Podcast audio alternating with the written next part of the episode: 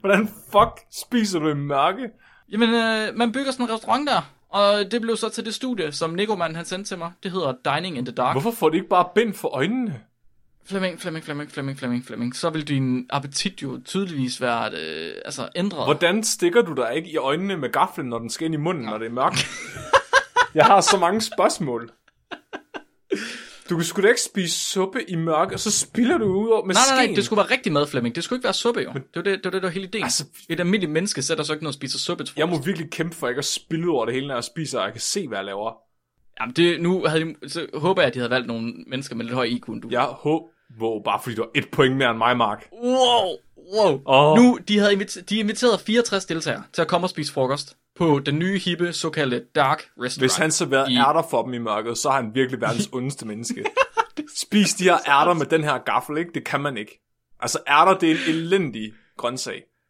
Du bliver sur alt for tidligt, Flemming. Det er slet ikke, nu, det er slet ikke det her, du skal være sur over. virkelig, jeg, jeg synes virkelig, jeg kan godt lide smagen af ærter, men fuck, hvor er, fuck, hvor er de irriterende at spise, altså. Det er, der er en grund til, at man kun serverer dem sammen med kartoffelmos. Det, det er, så du kan lime dem sammen, for fanden. Altså, hvor... Kan ikke, de, og så er det, hvis du putter min salat, så stikker de af, og så har du lige bare en, en tallerken med, med ærter på, hvor, der hvor salaten lå. Altså, de er så irriterende. Vi bringer en advarsel. Den følgende podcast handler om vanvittig videnskab. Al forskningen, der præsenteres, er 100% ægte og udført af professionelle. Mark og Flemming står ikke til ansvar for eventuelle misforståelser, men minder jeg om, at de altid har ret. Husk at være dumme.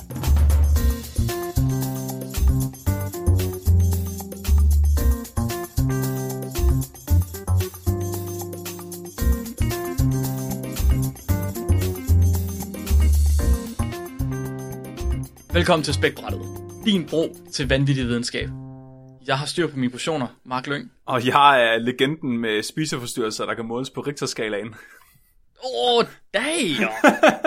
damn! Så bliver der altså spist meget, Flemming. Hvad? Så, bah.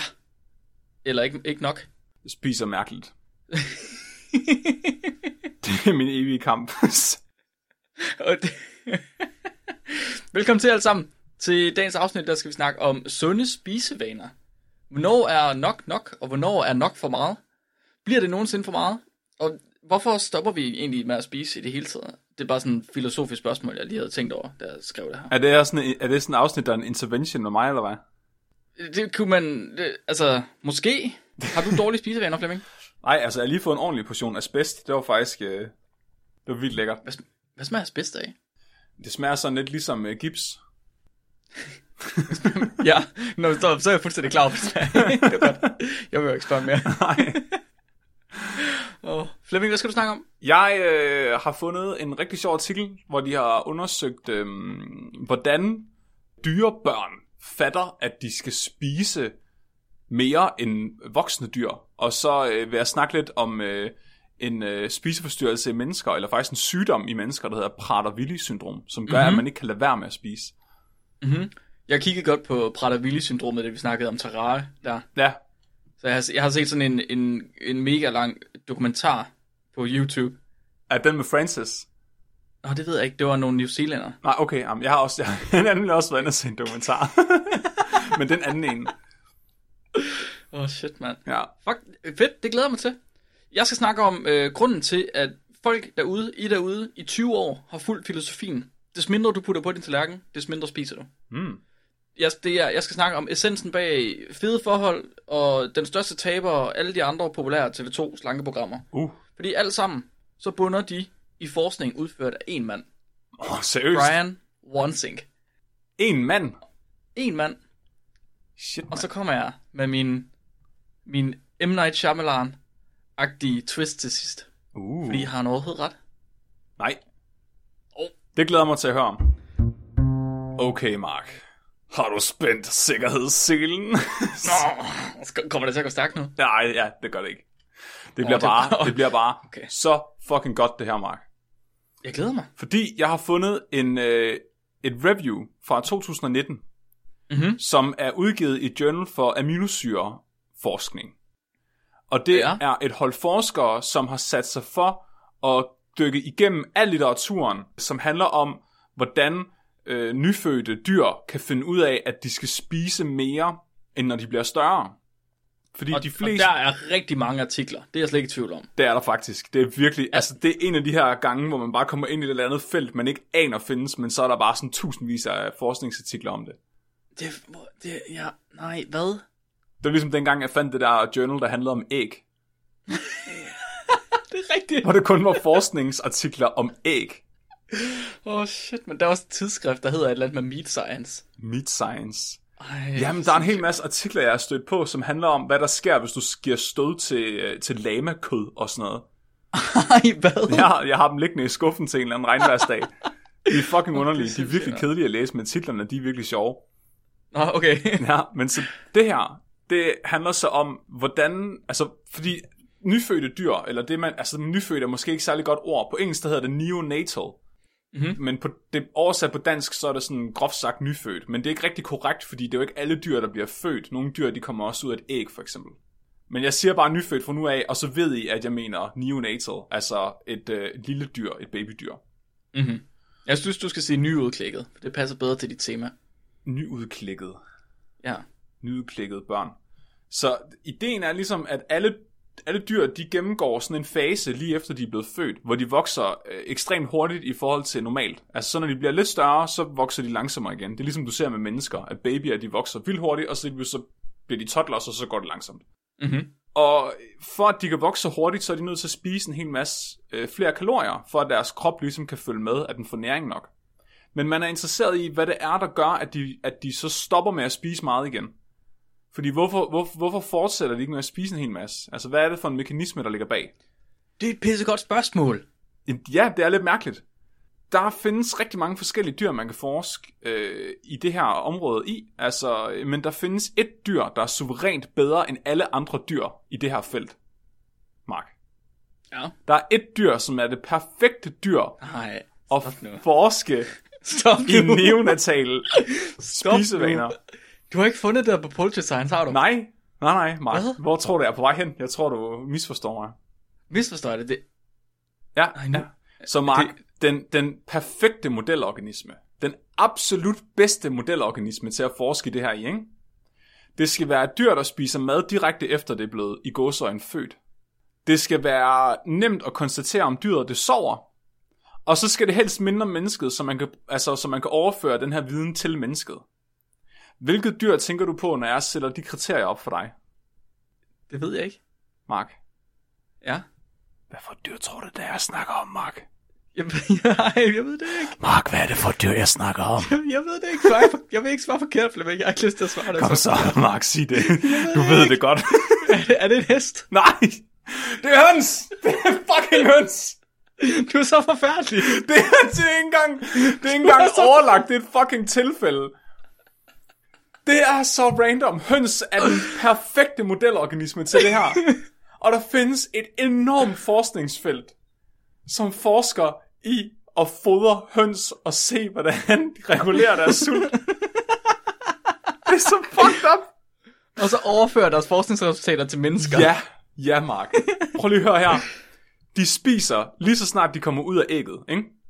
De spiser korn med det samme, eller kyllingefoder, så det er virkelig nemt at kvantificere dem. Mm-hmm. Man tænker normalt, at mus er de bedste modelorganismer til sådan noget her, men som de, de skriver faktisk i det her review paper, at musebabyer, de er fucking hjælpeløse.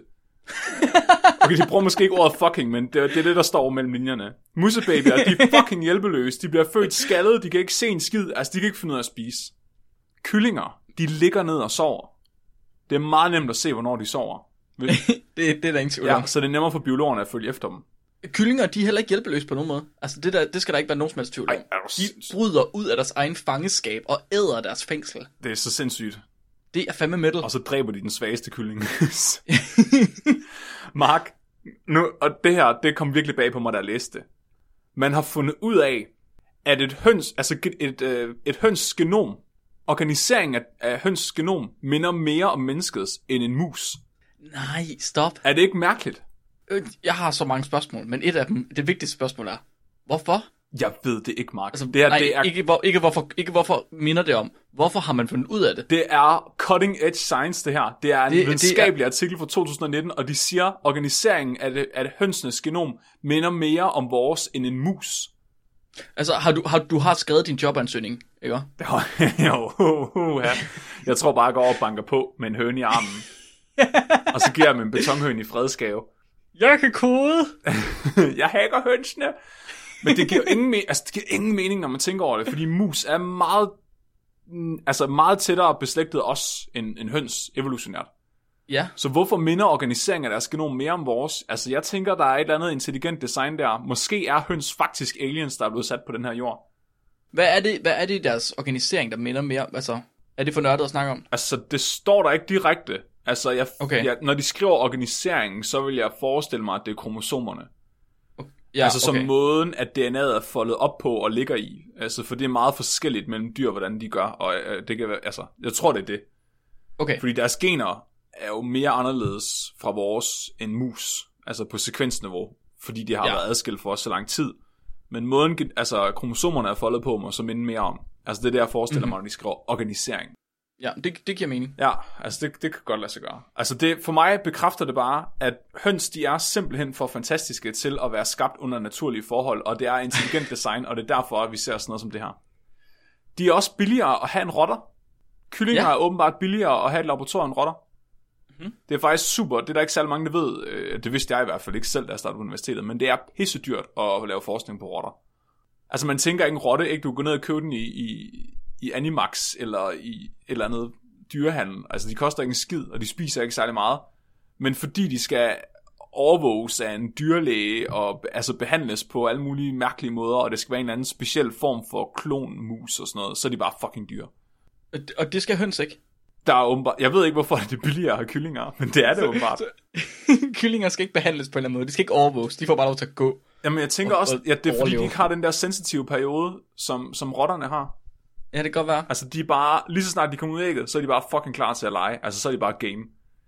Sindssygt. Kyllinger er også mere sensitive over for øh, medicinering end rotter og andre drugs. Så de skal, Nå. de skal have mindre doser. Plus, Okay. okay. de er indavlet på alle mulige fucked up måder, så det gør det meget mere nemt at forske i spisningen på dem. Fordi mange af dem er fremavlet til at give mere kød, og derfor skal de vokse hurtigere. Ah, selvfølgelig. Så du kan sammenligne genomet på en kødhøne øh, med genomet på en almindelig æglægningshøne, og så kan du se, hvilke forskelle der er. Og jeg, altså, jeg siger dig, det var en ren fornøjelse at læse indledningen til den her artikel, som hedder Central Regulation of Feeding Behavior Through Neuropeptides and Amino Acids in Neonatal Chicks. Smukt. Ja. De, øh, de skriver, de har et citat i starten af artiklen fra en anden artikel, som er inden for det her felt også, fordi Mark, der er flere hundrede artikler, der handler om kyllingers spisevaner. Stop nu. Det er et felt inden for videnskaben med, hvordan høns de spiser. Hvor er det ubehageligt. Er du klar til citatet? Fordi jeg fældede, altså jeg, kunne, jeg kan lige høre David Attenborough læse op. Altså det her, Lige det, Først, først og fremmest, man ved, jeg, jeg, jeg, hvis I ikke har læst en artikel derude nu, ja, en, en videnskabelig artikel, man ved, at det bliver en god artikel, når det først man ser, det er skråtekst, som, altså et citat, så ved man, at det bliver en rigtig god artikel, hvis man har et citat i starten. ja. Ej, det skal jeg til at have. Kan man Ja, citere det- sig det selv? Må man man godt til. det? Ja, det, det ved jeg sgu ikke. Bare gør det. Bare have det som reference. I Altså altid citere Tesla. Eller Nikola Einstein Tesla. Eller, eller Ej, det er sådan lidt for neckbeard nu at være Tesla-fan. Jeg ved ikke hvorfor. Nå. Det er bare som om, der er lidt for mange Fedora-typer, der kan lide ham nu. Til han er sej. jeg, vil høre de, jeg vil høre citatet. Add up the world's cats, dogs, pigs and cows, and there would still be more chickens.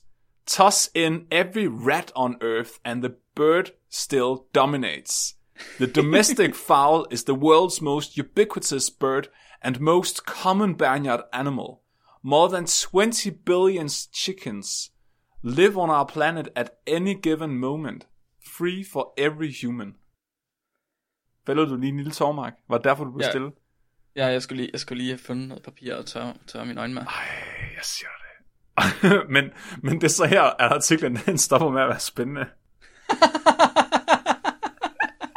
Fordi jeg var så begejstret, da jeg læste det her. Al- Altså alt det, jeg lige har fortalt dig.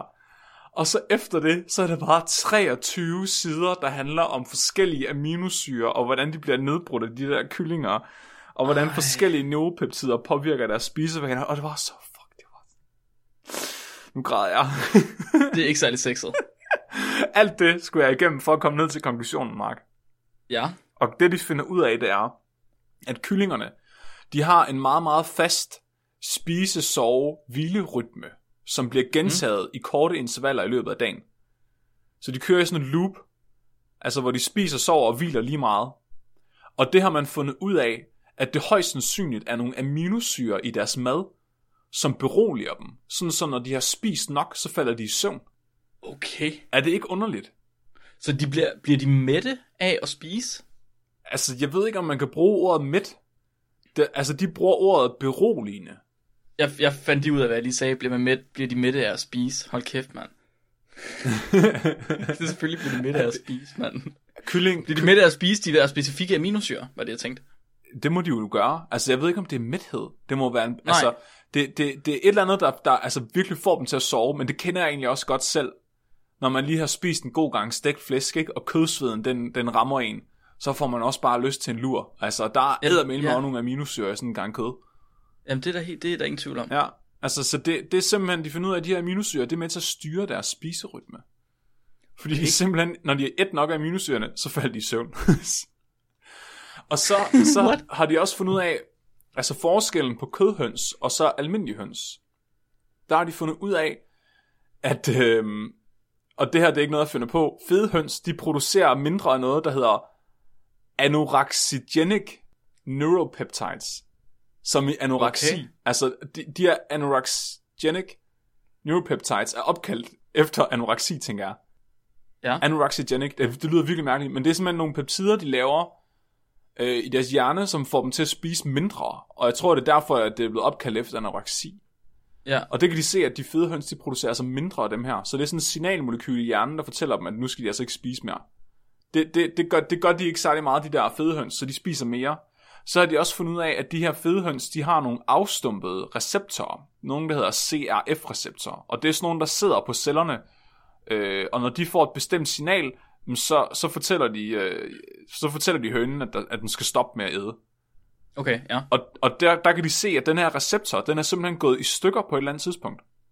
I de her fede høns, altså på det, mens man har indavlet dem. Så på et eller andet tidspunkt, så er der en af dem, der har haft sådan en defekt receptor. Og det har gjort, at de, ikke, at, det, at de ikke bliver stoppet fra at spise, når de får det her signal om, at de har spist nok. Og det er derfor, at de æder så meget bliver så fede. De, de, de uh, neuropeptider, de har der, er det lidt ligesom vores leptin? Åh, oh, pas. Nå, kender du til leptin? Øh, nej. Der, altså det, det, øh, det er et hormon, der bliver udskilt, når vi spiser, som så altså, går fra både ved udvidelsen af hjern, øh, hvad hedder det, mavesækken, men også ved, når der kommer glukose ind i leveren og sådan noget. Ja. Så bliver det udskilt det leptin, som så går op i hjernen og siger, nu skal du holde med at æde, for nu er du rigelig. Uh, ja, sådan en mætheds... Øh... Hormon. Ja, at det omvendte af, af grelin. Eller, det ved jeg ikke. Nej. Fuck, jeg, virkelig, okay, jeg, jeg, jeg, jeg, jeg, har, haft, jeg har haft om alt det her på et eller andet tidspunkt ja, ja. i uddannelse, men jeg kan simpelthen ikke huske det. Det er ikke noget om bakterier, så det er bare sådan, det, det har forladt min hjerne. Men det, der er interessant, det er så, at de postulerer så, at de her aminosyre, som, som kyllingerne de simpelthen får, som får dem til at falde i søvn, de, de virker ikke lige så effektivt i de her kødhøns, fordi receptorerne, der skal reagere på det, de, de fungerer simpelthen ikke. Mm-hmm. Så, så det er det egentlig det, de finder ud af, og det var sådan måske lidt antiklimatisk. Men Mark, der findes et helt felt inden for forskning, som kun forsker i, hvordan høns de æder, og de er blevet lidt gladere af at vide det. Så, så, så, så jeg har, tænkte, du læst, har du læst alle de artikler, du kunne finde af dem? Dem alle sammen? Nej, det er simpelthen for kedeligt. det var så kedeligt, og det var virkelig, altså det var virkelig, virkelig indviklet.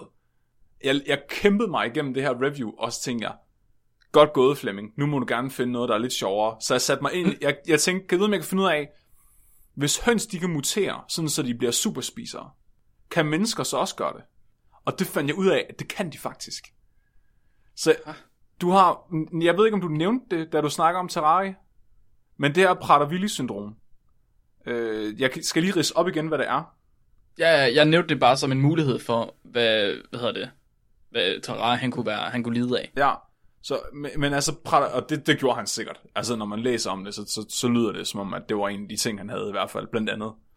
Øh, Prader-Willi-syndrom, det er en, øh, en genetisk sygdom, eller en genfejl, som gør, at øh, du får en fuldstændig ustoppelig appetit. Altså, du kan nærmest ikke lade være med at spise. Du bliver, altså, det er ligesom heroin for dig at få mad. Og man har fundet ud af, hvad det er, der giver ophav til det her Prader-Willi-syndrom. Så man har faktisk man har kendt til det siden 1800-tallet. Mm-hmm. Øh, har, man, har, har det ligesom været nævnt Prader-Willi-syndromer, eksempler, og så tror jeg, det blev navngivet op i løbet af 1900-tallet. Det er sjovt, man kan, f- man kan se et maleri fra, øh, fra 1680, som er et maleri af en lille pige, der har det her Prader-Willi-syndrom. Okay. Og det er faktisk ret almindeligt. Det er cirka 1 ud af 15.000, der har det. Så selvfølgelig 1 ud af 15.000 er ikke særlig meget, men når man tænker på, hvor, hvor karakteristisk at den her genfejl er, så er det egentlig ret mange alligevel, der har det. Mm-hmm. Så det, det, der sker, det er, at du har nogle mutationer, en række bestemte mutationer på dit kromosom nummer 15. Så kromosomet er ligesom den her pakke af gener. Og hvis nogle af de her gener på nummer 15 ikke virker ordentligt eller mangler, så får du det her Prader-Willi-syndrom. Og måden det som regel sker på, det er i 74% af tilfældene, så er det fordi, at øh, når, når, når ægget ligesom bliver befrugtet, du ved, bierne og blomsterne, så, så hvad? Ikke noget. Der sgu kæft, Mark. Nej, nej, nej, nej. nej. Når manden stikker sin wawa ind i morens wiwi, så mødes deres kromosomer.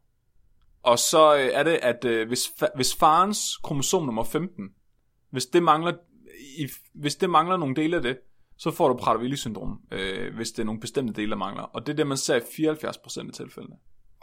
Men i 25% af tilfældene, så sker der det, at i stedet for, at du får et kromosom nummer 15 fra moren og et kromosom nummer 15 fra faren, så får du begge dine øh, kromosomer fra moren. Mm-hmm. Og så sker der det, at øh, der er dele af det her kromosom, som bliver inaktiveret, hvis det kommer fra moren. Men hvis begge to kommer fra moren, så bliver de her dele altså inaktiveret på dem begge to. Og så får du et defekt kromosom, og så får du det her Prader-Willi-syndrom. Mm-hmm. Og symptomerne er, at du bliver født meget, meget lille, øh, ironisk nok. De, Ja. de har som regel små hænder, små fødder, meget blød, bleg hud, svage muskler, lav højde og et smalt øh, forhoved. Og så er de også sterile og har øh, nedsat intelligens. Så langt størstedelen af dem, 39%, de har en IQ på mellem 50 og 70. Og 27% har en på mellem altså 35 og 50. Mm-hmm. Så det er dernede af. Men de har, altså det der er mest karakteristisk, det er, at de har den her fuldstændig ustoppelige appetit. Og det leder tit til, at de, at, altså, at de dør simpelthen af fedme. Det er fuldstændig vanvittigt. Ja, og, og øh, for ligesom at give et eksempel på det, så er der ligger der en rigtig god dokumentar, vi kan smide op øh, på YouTube, eller sådan en lille klip fra en dokumentar, som handler om en, øh, en, en kvinde med det her Prader-Willi-syndrom, som hedder Frances. Og hun, man ser, at øh, hun er 27 år gammel, og hun øh, skal flytte hjemmefra. Og der er simpelthen pædagoger, øh, eller tilsynsførende, som er nødt til at være sammen med hende stort set døgnet rundt, for at sørge for, at hun ikke spiser. Fordi ellers så spiser hun så meget, hun dør. Og hun er allerede altså morbidly obese, hvad hedder det, øh, svært overvægtig. Så, så, så de, de har hende først under sådan nogle, en beskyttet bolig, hvor der så er næsten døgnet rundt er nogen, der overvåger hende, og så sørger de for, at hun kun spiser 1000 kalorier om dagen, og hun motionerer. For at se, om de kan få hende til at tabe sig. Men så vejer de hende, og så finder de ud af, at hun stadigvæk tager på. Og så til sidst så indrømmer hun, at det er fordi, at hun tror, fordi hun er motioneret, så må hun gerne spise usundt. Så hun har gået ned på tankstationen, og så har hun købt sådan øh, bøtter med is, og siddet og spist, og så er det gjort, hun har taget på. Så det ender med, at de flytter hende til en endnu mere beskyttet bolig, hvor der ikke er nogen tankstationer eller noget i nærheden, hvor hun kan købe noget. Ved du, hvad hun så gør? Altså, Så begår hun indbrud i naboens hus og stjæler deres mad. Det er sindssygt. Det er så sindssygt. Men jeg tror faktisk, jeg har øh, mødt en person med det her syndrom før. Nå, Altså, da jeg arbejdede på det der handicapcenter, der var der, Ja. der, var der en, øh, en, en, en kvinde, der havde øh, altså alle de her symptomer. Mhm. Og, og hun, øh, lige så, altså vi skulle overvåge hende hele tiden, fordi ellers så øh, løb hun ud og tømme skabene i køkkenet og sådan noget. det er super mærkeligt. Ja, altså det var, øh, det var det eneste, hun tænkte på. Det var virkelig underligt. Og hun havde altså alle de her fysiske karakteristika og det hele. Mhm. Det er bare sådan lidt sjovt i sådan retrospekt at tænke, nå ja, måske var det det. Men altså hun var ikke diagnostiseret med det, så. Nu, jeg, jeg læste en del om det i forbindelse med, øh, med Terraria-afsnittet der, for jeg troede faktisk, det var det, det skulle handle om for mig på det tidspunkt. Så der, der er kommet en behandlingsmetode mod det. What? Nå? Jeg ved ikke, du har læst om den. Nej, altså, der stod, det er de steder, hvor jeg inde og læste, der stod der ikke var nogen behandling for det. Ja, lige så man har i lang tid ikke rigtig haft nogen behandling for det, men inden for de sidste, jeg tror 5 eller 10 år, har man haft en øh, eksperimentel behandling, som er væksthormon. Nå, Så fordi de her børn, de ikke har muskelmasse nok, det er simpelthen, de, kan, de danner ikke muskelmasse, når de er små. Så fordi de ikke gør det, så, så er det, de får, bliver ved med at være små, så de kan heller ikke rigtig dyrke motion ordentligt, når de så bliver større, og de har en meget mindre muskelprocent end almindelige mennesker, og en meget større fedtprocent. fuck, så er mennesker. naturen bare mod dem. Præcis, det er alting er imod dem. De kan ikke dyrke motion, og så til gengæld så spiser de også mere. Altså det er virkelig, virkelig uheldigt at være dem. Ja. Men man kan så få væksthormon til dem i stedet for, som gør, at de begynder, at de udvikler sig mere almindeligt, når de er øh, små børn. Mm. Og det betyder så, at de kan begynde at, altså de kan begynde at lege med andre børn, hvilket de ikke har kunnet ellers. Normalt så er de bare, de er længere sat tilbage i udviklingen end andre børn. Så de begynder først at gå et år eller to senere end almindelige børn, og snakker ikke rigtigt på noget tidspunkt. Der var lige hende Frances der, hun kan godt tale, Ja. men hun var også med, så det klip der fra den dokumentar, jeg så, som, som er 45 minutter. Og der var også en 11-årig dreng med, og han kunne basically ikke tale. Wow. Og han, og han fik sådan nogle tantrums, ligesom øh, dem, du har snakket om fra Handicapcenteret også. Altså virkelig gik fuldstændig ned, hvis ikke han øh, blev holdt op med sin hjælpelærer hele tiden. Altså det var super... Altså virkelig, virkelig synd. Ja, Ingen tvivl om det. Ja. Ikke noget særligt værdigt liv. Nej, præcis. Men, Men det, der er mest u, altså, uhyggeligt ved det, Ja. det er, at de kan se, at sulten den kommer, når de er 3 eller 4 år gamle. Indtil da, der er de ikke overdrevet sultne. Der spiser de ikke amok. nå. Det er først, når de runder 3 eller 4 års alderen. Så de der forældre, der ved, at deres børn har Prater Willy, de kan bare sidde og vente på, at deres børn de begynder at få den der umættelighed. Ej, hvor er det uhyggeligt. Og umætteligheden bliver jo ikke fjernet af, at de får, øhm, at de får væksthormon. Nej. Men hvad, altså væksthormonet, det hjælper jo kun på sådan deres fysiologi, ikke? Det hjælper ikke på Ja, deres præcis. kognitive evner og sådan noget. Øh, jeg tror også, det hjælper en lille smule på deres kognitive evner jo. Okay. Jeg tror, det er med til at udvikle hjernen også, at de har mere muskelmasse. Ja, det er vildt, Men fordi det må du ikke på. jeg har hørt mere og mere om, at man behandler børn med væksthormon nu. Altså sådan, øh, Mhm. mm-hmm. der, der er en på, øh, på, på min datters skole også, som, som faktisk får det, fordi hun er født øh, for tidligt, så hun vil være blevet dværg under normale omstændigheder. Okay, Og hun får simpelthen væksthormoner på gang om året, sådan, så hun når nogenlunde normal højde alligevel. Og det er vildt nok. Ja, at det er bare vildt, at det sådan begynder at blive ret almindeligt lige pludselig, at man ser det sådan rundt omkring. Ja, at det er noget, man rent faktisk bruger som behandlingsform. Det havde jeg heller ikke troet. Nej, det var, det var i hvert fald ikke noget, man gjorde, var barn. Ikke, øh, ikke normalt i hvert fald. Nå, ej, det er mærkeligt. Det er vildt. Altså, det er mega underligt. Det er vildt underligt. Altså, der er jo sindssygt meget, vi ikke ved endnu, om hvad- der styrer sådan noget. Altså, det er også det er mystisk, at det sætter ind i 3-4 års alderen. Ja, Der må næsten ske et andet fysiologisk op i hjernen på det tidspunkt. ja, det, ja, jeg ved det sgu ikke. Hvis der nu er sådan, ligesom man snakker om med kyllingerne, at der er sådan et neonatalt stadie, hvor hjernens sult styres af nogle bestemte aminosyre eller peptider. Det kan Mhm. være, der sker den der omstilling fra, fra den form for, for regulering til, til den, man har i voksenlivet i den alder måske. Ja, jamen det kan sagtens være, at det er der omkring, det sker. Ja, Det vil give okay mening. ja. En af de ting, jeg, jeg, jeg sad og diskuterede med Helene, øh, da jeg læste om det her i går, det var, at jeg fik sådan en idé om, hvorfor er det, at man kan spise sig selv ihjel? Hvorfor er det, at kroppen ikke har udviklet et system, der gør, at den modvirker det? Ja. Fordi den har systemer til at modvirke alle mulige andre toksiske ting, Mm-hmm. right? Hvis du drikker for meget alkohol, så kaster du op. Hvorfor kaster du ikke op, hvis du får for meget energi ind sig? Ja, hvorfor er det, at folk dør juleaften af, at de har stoppet deres mavesæk så meget, den springer? Ja, ja, lige præcis. Og men jeg synes, det er ret interessant, at, du, at det du så fortæller med, at børn, eller øh, i hvert fald kyllinger, har en form for neonatal stadie, hvor de så, du ved, bliver mætte på en anden måde, end deres voksne udgaver gør. Ja. Det var jeg overhovedet ikke klar over. Det synes jeg er mega interessant. Ja, det, var, det gør mening, når man tænker over, at de har en, en fase i deres liv, hvor de, hvor de un, undergår eksponentiel vækst. Mhm. At de er nødt til at have et andet, altså en helt anden software, der kører op i hovedet på dem, som sørger for, at de spiser ja. på en bestemt måde. Men jeg har altid klart tænkt nok. på det som om, altså grunden til, at der er sådan den der fedmeepidemi, det er jo fordi, vores hjerner er jo skruet sammen til at sørge for at spise, når der er mad, fordi mad ikke har været mega sådan almindeligt, da vi var Ja. øh, jæger samlere, altså. Og at vi så craver salt, sukker og fedt, det er jo fordi, det er sådan de mest værdifulde øh, ressourcer i naturen, ikke? De er jo ret sjældne. Mm-hmm. Nu får vi det bare for meget. Ja, Jamen, det var også, det var også Helenes pointe. Men jeg, jeg var bare stadig sådan lidt... Det irriterer mig, at kroppen ikke har udviklet en eller anden måde på at, at sige, at nu nok er nok, nu er det nok, nu er det for meget. Nu skal du ikke have mere af det der salt og sukker. Jeg prøver at tænke på, hvis man har dræbt en mammut, ikke? Altså, den kan du fandme godt æde dig ihjel med. Ja, sagtens. Også, altså, også selvom du ikke har fået mad i en uge eller to. Ja, det er fandme underligt. Det er virkelig, det er, det er ligesom at heste ikke kan kaste op. Altså, Kan de ikke kaste op? fandme, nej, heste kan ikke kaste op, What? de har ingen op, øh, opkast, så vidt jeg ved.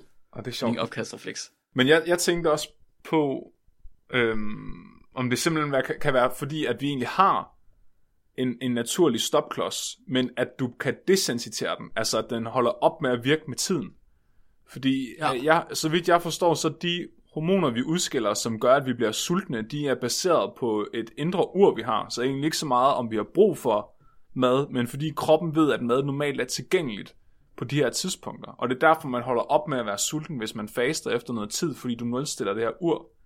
At det kan være, at, at hvis folk vender sig til at, at spise store mængder af mad over lang tid, at de så bare bliver mere sultne, og så til sidst så ødelægger de faktisk den naturlige balance, øh, som er. Mm-hmm.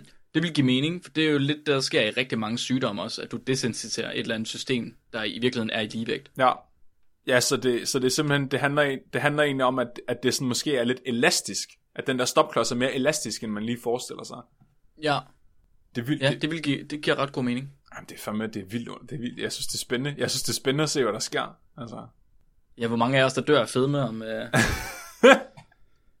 nu, det er en af de ting, jeg synes, der er mest vanvittigt, det er diskussion, altså hele fedmedebatten. Mm. Og jeg, ikke fordi jeg har lyst til at gå ind i det, men det der med, at, at altså fatshaming er, er selvfølgelig ikke i orden overhovedet på nogen måde, men det der med, at man synes, at læger ikke må sige, at folk er fede, og at de kan dø af at være fede. Ja. Jeg er totalt berørende over det. Det er en fuldstændig vanvittig holdning at have. Altså, Ja. hvis, hvis nogen skulle ud og få lov til at sige, at en person er fed, og at du kan dø af at være fed, så er det lige præcis en, en altså, lægelig ekspert som en læge. At andre mennesker ikke skal komme hen og sige til dig, at du er fed, eller i hvert fald ikke skal gøre nar af det, det, det, det kan jeg godt forstå. Det er Altså, sindssygt at have en holdning, at læger ikke må sige det. ja. Det synes jeg også. Nå, det var, det var et sidespring. Ja, men jeg er enig. Jeg er enig. Jeg, men jeg synes, jeg synes ikke, man skal... Jeg synes egentlig, fatshaming er okay, hvis det er mellem venner. Fordi, altså, jeg, havde, altså jeg, jeg var meget tyk som barn. Og det er derfor, jeg, mm-hmm. altså, jeg vejede jo fandme 118 kilo, da jeg var 15 eller sådan noget. Og så, så tabte jeg mig 30 kilo, da jeg var 16. Men det var jo kun, fordi jeg var blevet drillet. så det, Ja, okay. og det var kun fordi sundhedsplejersken sagde til mig, at jeg var fed. Altså hvis det ikke var et problem, så havde jeg ikke gjort det. Mm. Så jeg synes egentlig, det er en god nok ting. Altså for, også, jeg synes egentlig også, det er fint, jeg bliver, at gutterne lige sådan siger til mig en gang imellem, åh, den sidder lidt stramt, den skjort der, eller åh, lige sådan, du ved, tager fat i rødvinspatterne. Fordi det gør også lige, at jeg sådan lige holder mig lidt op på dupperne. At jeg ikke sådan falder i igen, hvis det giver mening. Mm. Mm-hmm. Ja, jeg, jeg tror bare, der er mange, der synes, at der ikke er nogen dubber at blive holdt op på. Hvad mener du? At, at øh, det er ikke et problem at have rødvinspatter. Du siger, bliver holdt op på dubberne, som om, at du ligesom skal holde igen og ikke skal have rødvinspatter. Ja, Og der er nogen, der mener, at det skal andre folk ikke have lov til at bestemme, fordi måske er det et valg, at man gerne vil have rødvinspatter. Noget af den stil. ja men når det er dårligt for ens helbred alligevel, altså. Og det er jo det, altså det, det, det er åbenbart et aspekt, der også er fat shaming. Ja, Det, at man siger, at det er dårligt for ens helbred. Men det er sjovt, fordi jeg har en eller anden idé om, der er meget stor forskel mellem, om det er okay blandt mænd, eller om det er okay blandt kvinder. Ja, det tror jeg, men sådan tror jeg måske, drillerier eller voksenmobning er generelt. Ja. Fordi jeg kunne sagtens finde på at gå over til en af mine kammerater, og så lige, du ved, bot bot. Lige. Du har lidt, du har lidt patsved, Bot, bot. men, men, men ah, hvis Cecilies veninder kom på besøg, eller nogle af mine veninder fra gymnasiet, ah, så, er jeg nok ikke, så vil jeg nok ikke i talsætte det. Nej, nej, jeg tror, du har ret. Altså, det kommer nok i virkeligheden også an på, hvor gode venner man er, uanset om det er mænd eller kvinder. Ja, ja, men det er måske det bare fordi, at jeg ikke har hørt kvinder tale med hinanden om det før. Jeg ved ikke, at det må, I må gerne skrive ind, hvis I ved det her. Fatshamer kvinder også hinanden, fordi jeg har kun hørt mænd gøre det. Jeg synes, at det er okay, at man er overvægtig. Altså, jeg, jeg ser ikke ned på folk, der er overvægtige overhovedet. Og jeg synes, det er et problem, at der er mange, altså det jeg oplevede personligt, at der er mange fordomme omkring folk, der er overvægtige. Altså sådan, at de, man, de, man forestiller sig, at de er dogne, for eksempel. Mm-hmm. Eller at de er dumme, eller at de ikke er renlige. Og det, det, det synes jeg er mega træls og irriterende at være, har været udsat for, og jeg synes ikke, det er i orden at behandle folk, der er overvægtige på den måde. Men Mhm. jeg synes, det er okay at komme øh, fra et sted af omsorg, og måske i talesætte det, hvis det begynder at blive et helbredsmæssigt problem. Giver det mening? Ja, Og hvis man så det gør det igennem at drille, det må man jo så ligesom vurdere, som hvad det er for en person, du har med at gøre. Der tror jeg måske, man skal vurdere sit, øh, sit forhold til den person, uanset hvad. ja. Okay, Flemming, lad os komme videre. ja, for helvede. I går, der sad jeg og læste en rimelig sjov artikel. En, en artikel, der er udgivet i 2005, og den vandt den ikke Nobelpris i 2007. Og den, den hedder Bottomless Bowls, Why Visual Cues of Portion Size May Influence Intake. Mm. Det kan man oversætte sådan øh, rimelig løst til bundløse skåle, hvor forsynet bedrager din portionsstørrelse. Og jeg havde, jeg havde læst den artikel der, og jeg havde diskuteret den lidt med Helene, og det kom der nogle af de pointer ud af, vi lige snakkede om det før. Og så tænkte jeg egentlig ikke så meget mere over det, altså over artiklen, udover at det, det var en meget sjov artikel til afsnittet i dag. Og så øh, på arbejde, her omkring klokken 4, der, der sidder jeg og sådan, lige ved at være klar til at smutte hjem og, f- og få skrevet lidt på mit talepapir til, til nu her. Og så sender Nikolaj mig en artikel mere. Og den artikel den hedder Dining in the Dark. The Importance of Visual Cues for Food Consumption and sa- Satiety. Mhm. Hvad fanden tænkte jeg? Den virker godt nok sådan rimelig ens med den, jeg lige har læst. Ja. Og det er den også, fordi de begge to skrevet af den samme mand, Nå. nemlig uh, Brian Wansink. Og Brian, han er en af vores tids største navne inden for ernæringspsykologi. Indtil 2018. Han er grunden til, at vi i dag har snacks i mini-indpakninger. Han er grunden til, at fitnessmøderne de prædiker om ikke at tage aftensmad med til bordet. Og han er grunden til, at vi ved, ved, at vi spiser mindre, hvis vi bruger mindre tallerkener. Nå. Så i dag, der vil jeg præsentere hans forskning på sammenhængen mellem syn og portionsstørrelser, og så bagefter vil jeg fortælle jer, hvorfor alt, hvad vi lige har hørt, det måske er en stor fed løgn. Okay, Flemming, forestil dig, Mhm. du er studerende på universitetet. Det, det er rimelig nemt at forestille sig for dig, tænker jeg. Du er på vej til din næste team. Ja. På gangen, på vej ned til team, der ser du en flyer. På flyeren, der står der, All you can eat tomatsuppe. Pris, besvar mit spørgeskema. Tomatsuppe. Hvordan reagerer man på sådan en? Skal kraftet mega tomatsuppe. Hvad? Nej. Hvad? Suppe, det er sådan noget, man laver på høns. Hvad? Hvad hvis der er hønsebouillon Eller får. Borg. Tomater, det putter man i ketchup. Eller græsk salatmark. Alright, fair nok. Så måske var du ikke hoppet i, men jeg var i hvert fald hoppet i med begge ben. Jeg kan fandme godt lide tomater. Man kan også bruge dem til at kaste på folk, hvis de er rådne. Jamen, det er, I gabestokken. hvis man laver en dårlig joke, ja. Det. Så jeg var hoppet på, og det, det var der men også 54 andre personer, der gjorde tilbage i 2005, da OneSync og hans studerende, de ville undersøge, om folk de spiser mere, hvis de ikke ved, hvor meget de har spist. Så OneSync og hans studerende, de havde to hypoteser. Den første, folk der ikke ved, hvor meget de spiser, de spiser mere. Og nummer to, de samme folk er ikke klar over, at de har spist mere. Så de havde fundet 54 personer Mhm. mellem 18 og 46 år, med BMI'er mellem 18 og 36. Og de her 54 personer, de fik alle sammen en e-mail om, at de skulle komme ned til kantinen på et bestemt tidspunkt. Og så en time før de skulle komme ned, så fik de en påmindelse om, at de skulle komme ned i kantinen. Og så vedhæftet i e-mailen, der var der sådan en, en lille øh, kort ned til kantinen, så de kunne finde vej. Og så gik de selvfølgelig derned. Så forsøgspersonerne, de blev sendt ned i kantinen i tilfældig hold af fire personer. Og dernede, der fandt de et lille bord med fire suppeskål. Og de fik at vide, at de måtte spise så meget suppe, de overhovedet kunne overkomme, og at de på ingen måde måtte holde sig tilbage. Aha. Hvad de ikke vidste til gengæld, det var, at der var snyd med i spillet. Uh. For de to af de fire skåle, de var nemlig bundløse. Hvad? Skålene, de var sat fast til bordet. Øh, det her kæmpe store, øh, hvad hedder det, re- restaurantbord. Mhm. Mm-hmm. Og i, i bunden af de to bundløse skåle, der var der boret et hul, så en slange den kunne løbe fra et par gryder, der stod ved siden af bordet, og ned til undersiden af skålene. Og de her gryder her, de var så hævet en lille smule over suppeskålene, så suppen den konstant løb fra det højeste punkt, altså gryden, og ned i suppeskålen. Sådan at uanset hvor meget du spiste den her suppeskål, så blev den ved med at blive fyldt op igen ned fra bunden af. Åh, oh, Mark. Det er Ja. fuldstændig ligesom der, der Thor, han, han dyster mod udgårdslukke. Ja, det er det nemlig. Og han drikker af det der bundløse øh, drikkehorn, som er de syv verdenshave, eller hvad fanden det er. Ej, du er, du er, ja, du er, du er smuk. Du er en smuk mand. Det er præcis det, er præcis det der. Oh, 100 procent. det er en god historie. Og han spiser mod ilden. Ja. Nå ja. og danser med døden, eller danser med alder. Ja, præcis. Er det tiden? Eller døden? Nej, jeg tror, det er alderdom. Jeg tror, du er ret Ja, det. alderdom, okay. Anyways, Så- ja, uendelig Ja, gryde. hvert hold af de her øh, deltagere, de fik 20 minutter til at spise. Og da de dukkede op nede ved kantinen, der var suppen allerede hældt op i skålene. Klart, de skulle ikke se, hvad det ligesom var nede i de skåle her. De to suppeskåle, der ikke havde slanger, de måtte selvfølgelig også, dem der ligesom sad ved dem, de måtte selvfølgelig også spise lige så meget de ville. Men for at de ikke skulle føle sig nødsaget til at stoppe for tidligt, så kom der en tjener hen og toppede op, hver gang de havde spist cirka en fjerdedel af deres suppe. Right? Fordi hvis de kom ned til bunden af deres suppeskål, så kunne det være, at de måske stoppede, fordi de var sådan, åh oh ja, nu er jeg færdig med at spise. Men sådan skulle det ikke være. De skulle have lov til at spise så meget, som de kunne, og de skulle ikke føle sig nødsaget til at stoppe. Mm. Så deltagerne de bliver sat i gang med at spise, og de spiser og spiser og spiser, og skålene de bliver fyldt op af tjenerne, hvis der var bund i, og af slangen, hvis der ikke var. Og hele det her system med slangen, det var selvfølgelig skjult, så man ikke kunne se det. Og suppen, det løb også lige præcis så langsomt, at det ikke kunne ses af de her deltagere. Mhm. Så efter at have spist, så skulle deltagerne besvare et spørgeskema. Det var prisen. Og øh, det her spørgeskema, det handlede om deres oplevelse, deres sult og deres sociale forhold ved spisning. Alle sådan nogle mærkelige ting.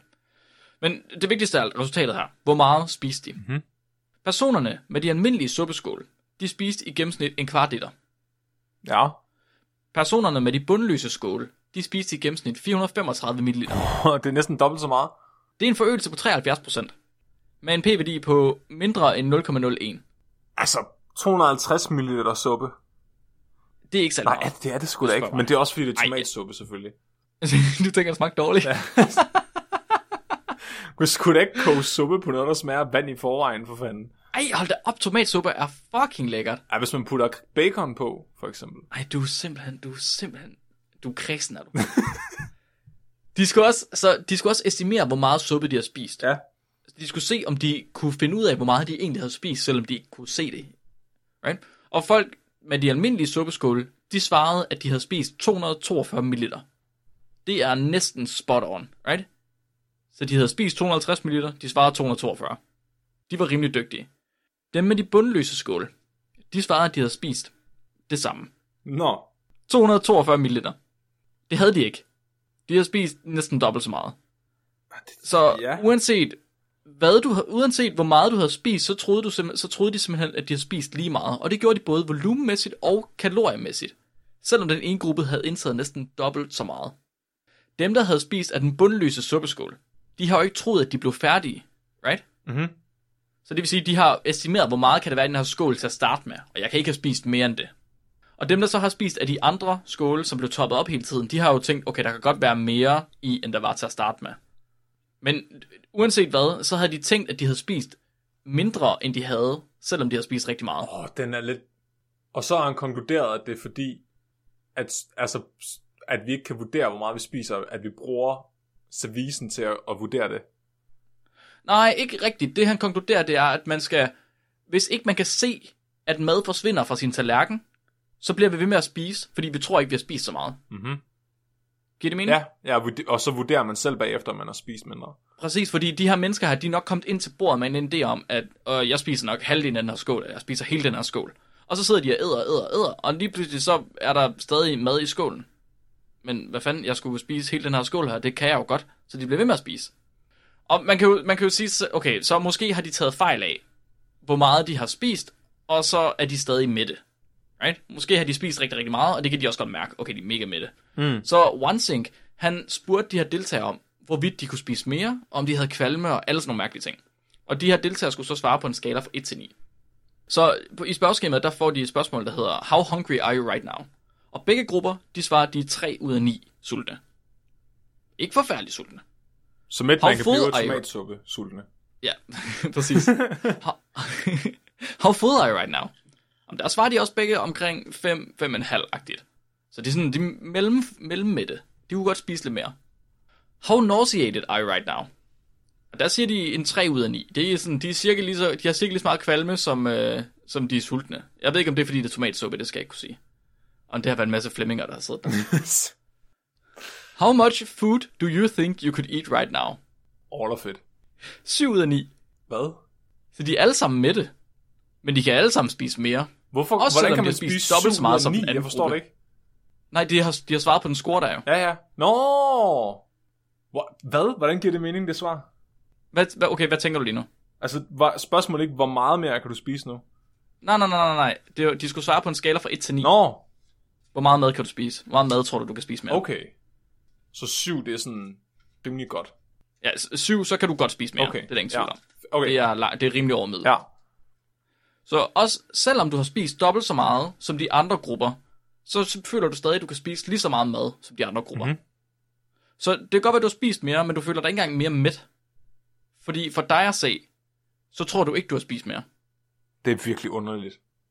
Det er virkelig underligt. Men det bliver endnu dummere, fordi One han spurgte sig selv. Han sagde til sig selv, hvilket almindeligt menneske sætter sig ned med tre fremmede og spiser tomatsuppe til frokost? Det giver jo ingen mening. Nej, nej, nej, nej, nej, nej, nej, nej, nej, nej, nej. Jeg bygger en totalt mørkelagt restaurant, og så serverer jeg rigtig mad for dem. Det er nemlig normalt. Hvordan fuck spiser du i mørke? Jamen, øh, man bygger sådan en restaurant der, og det blev så til det studie, som Nicoman han sendte til mig. Det hedder Dining in the Dark. Hvorfor får de ikke bare bind for øjnene? Flemming, Flemming, Flemming, Flemming, Flemming, Flemming. Så vil din appetit jo tydeligvis være øh, altså ændret. Hvordan stikker du dig ikke i øjnene med gaflen, når den skal ind i munden, når det er mørkt? Jeg har så mange spørgsmål.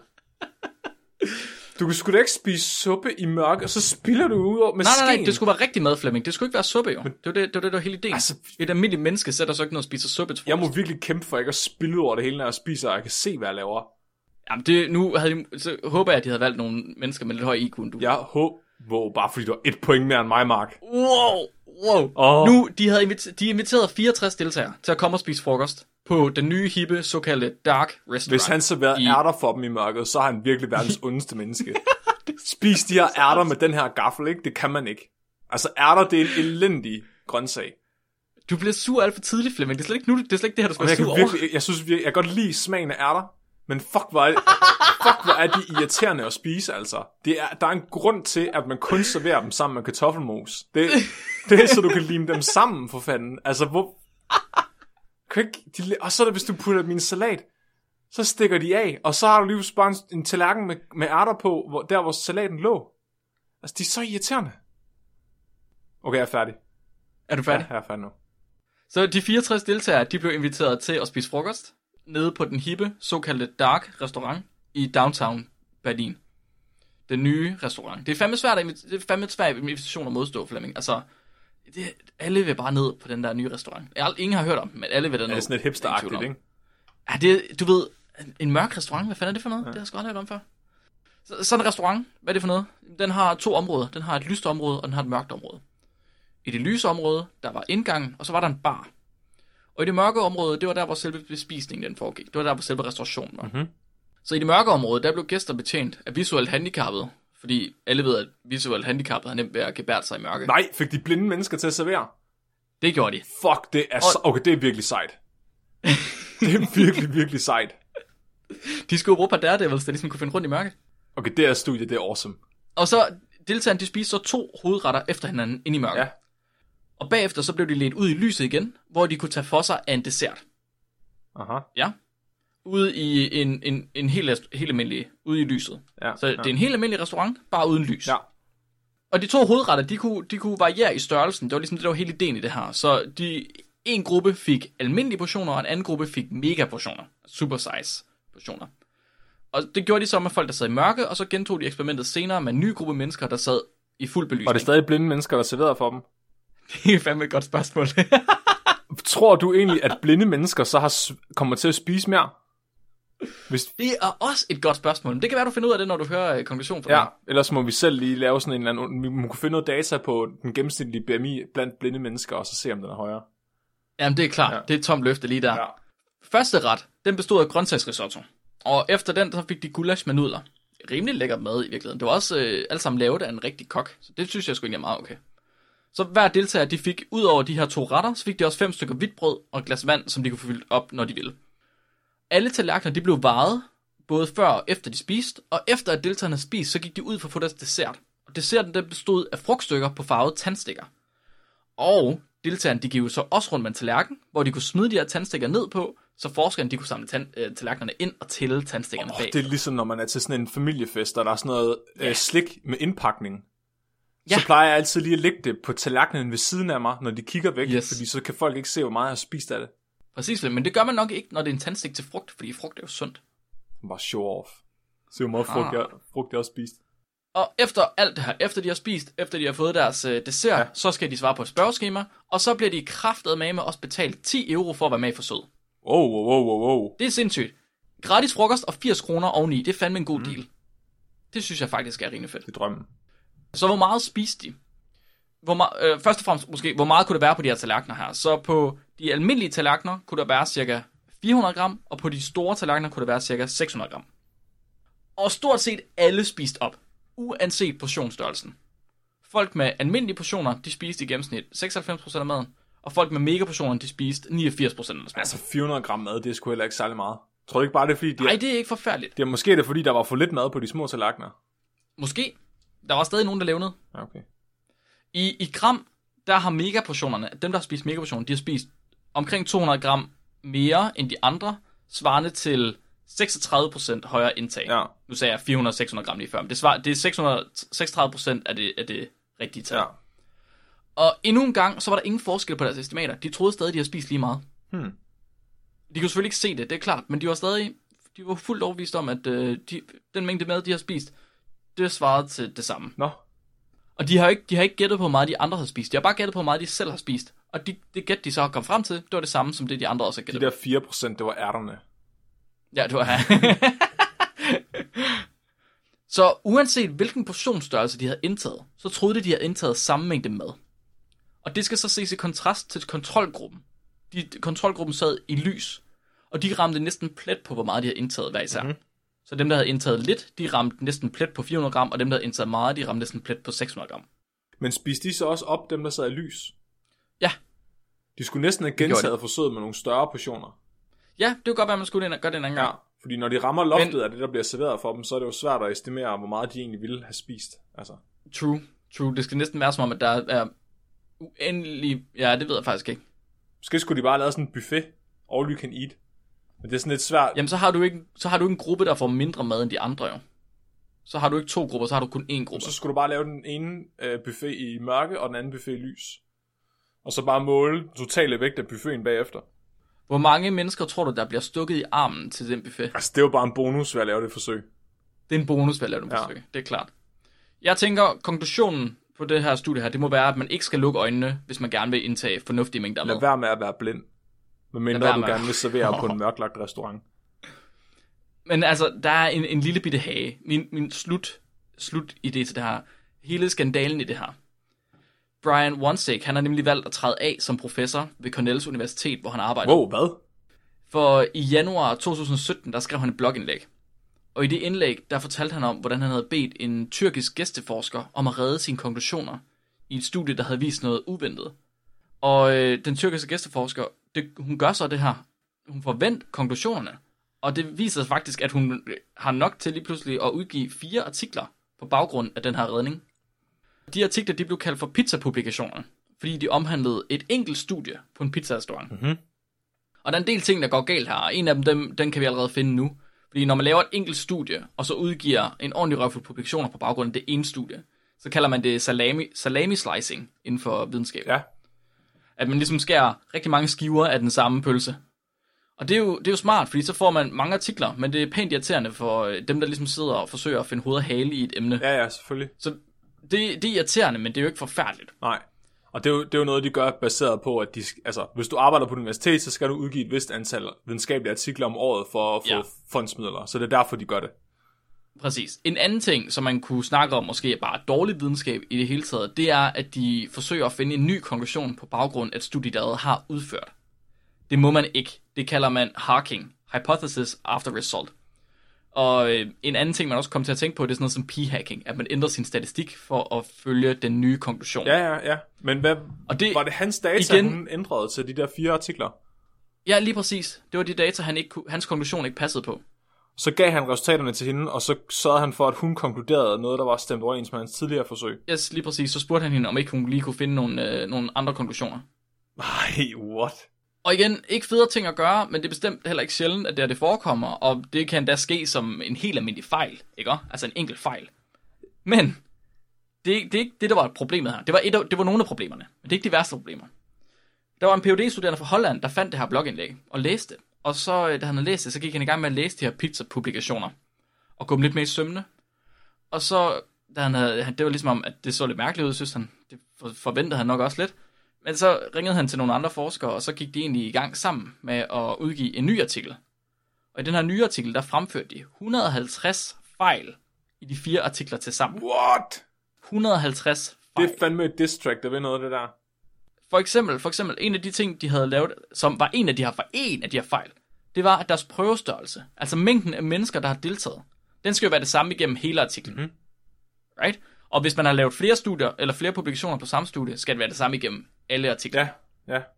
Der var forskellige prøvestørrelser i figurerne, og i introduktionen, og i metoderne, og i de forskellige artikler. Det var n ud over det hele, og n er lige med 64 og 38, og jeg ved ikke Er hvad. det så fordi, de har fabrikeret det, eller hvad? Det ved man ikke. Det er en mærkelig, det Man er er en ikke mærkelig helt fejl. sikker på... Ja, og det var en ud af 150 fejl, Flemming. Shit. På, på et tidspunkt, der gik de i gang med at overstrege øh, nogle figurer med rød kuglepen. Og de siger til sidst, at de simpelthen, det begyndte simpelthen at lyse op som juletræ, så mange fejl var der i den ene figur. Ja.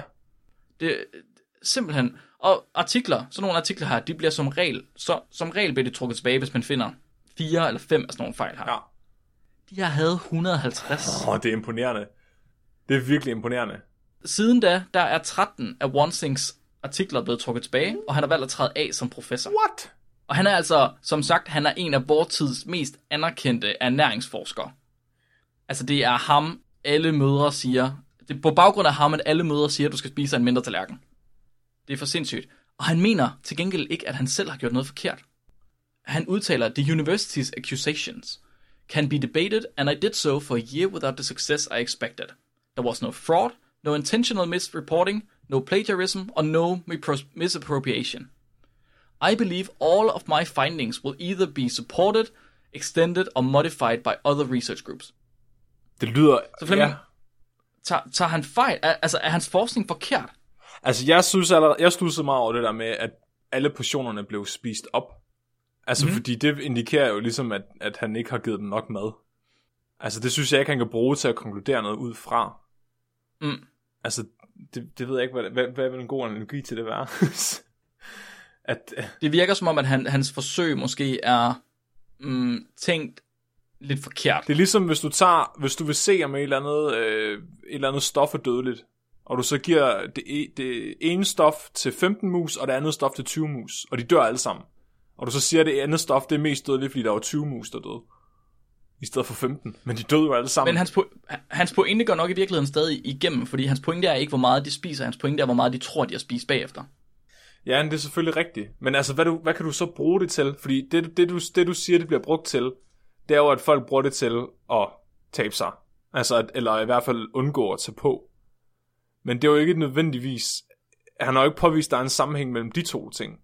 Så det han mener at have påvist, det er, at folks mæthed er ikke, hænger ikke sammen med, hvor meget de spiser. Den hænger mere sammen med, hvad de ser, de spiser. Men er det mæthed, hvad man antager, man har spist?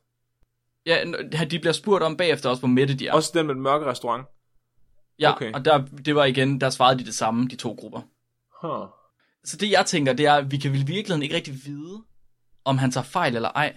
Er der, der kunne også være det der bias, man snakker om, at forsøgspersonerne gerne vil svare det, de tror, at forskeren vil høre. Muligvis. At hvis de har fået for små portioner, så siger de stadigvæk, at de er mætte. Sådan for, Ja. Fordi de tror, at det er forventet af dem, ikke? Måske. Måske. Så en af de ting, der ligesom kom ud af det her, det er, at de der 13 artikler blev trukket tilbage af tidsskrifterne.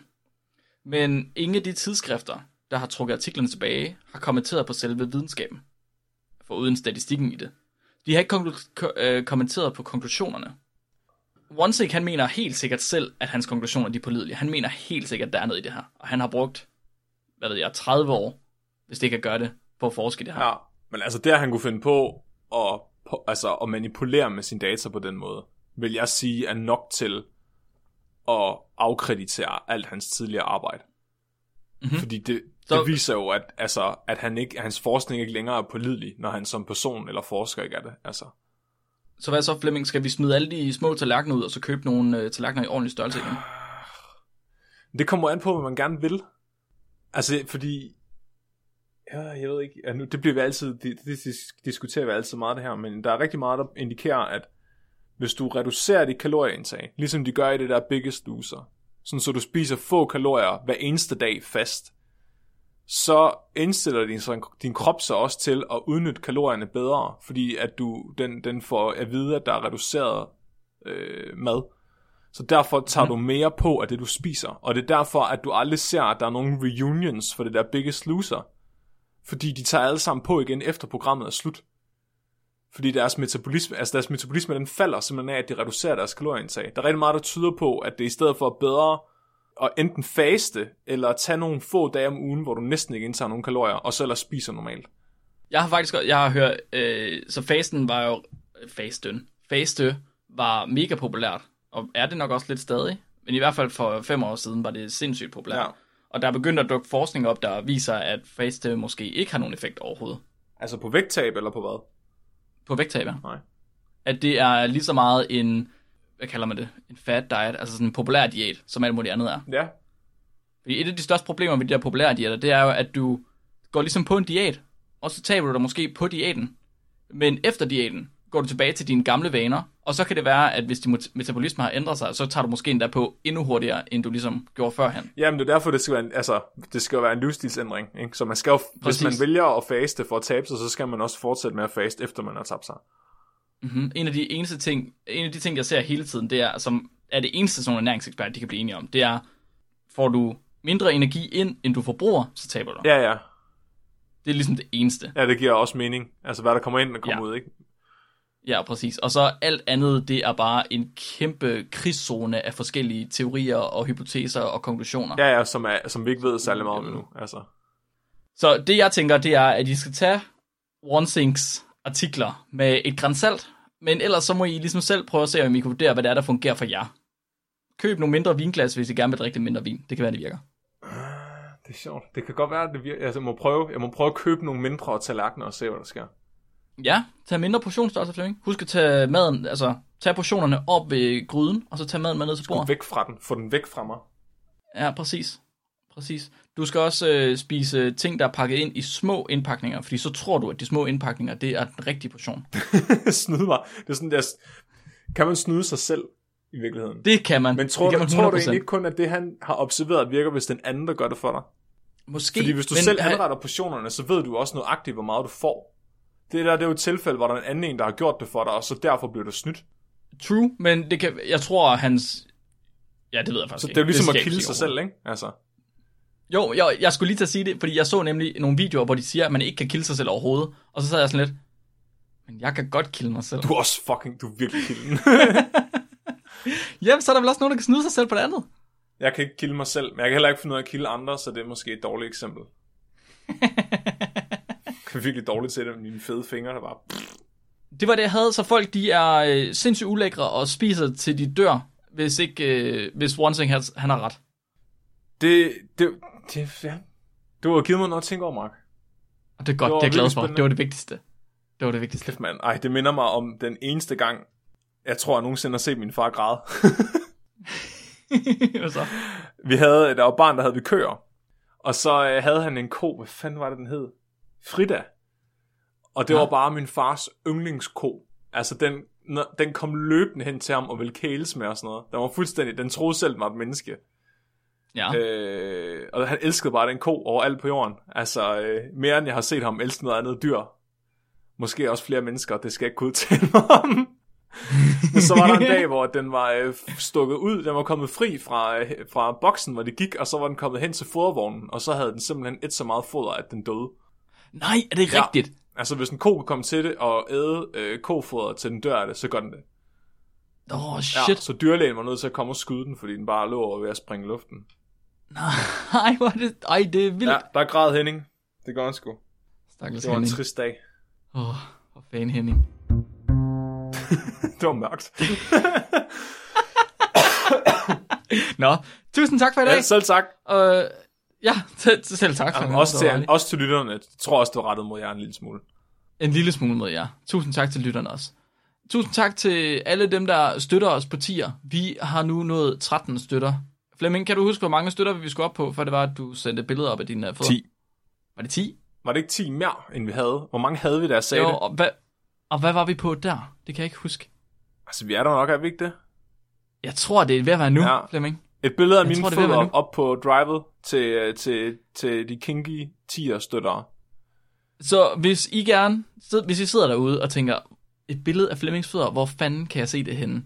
så skal I gå ind på øh, vores tier, hvor I kan finde et, det kan I finde et link af i beskrivelsen inde på øh, øh, Buzzsprout. Så skal I gå ind på vores tier, og så skal I støtte os, og I må selv bestemme, hvad I støtter med. Og vi forstår godt, hvis der er nogen, der ikke kan støtte os, men hvis I har lyst til at se billeder af Flemmings så gå ind og gør det.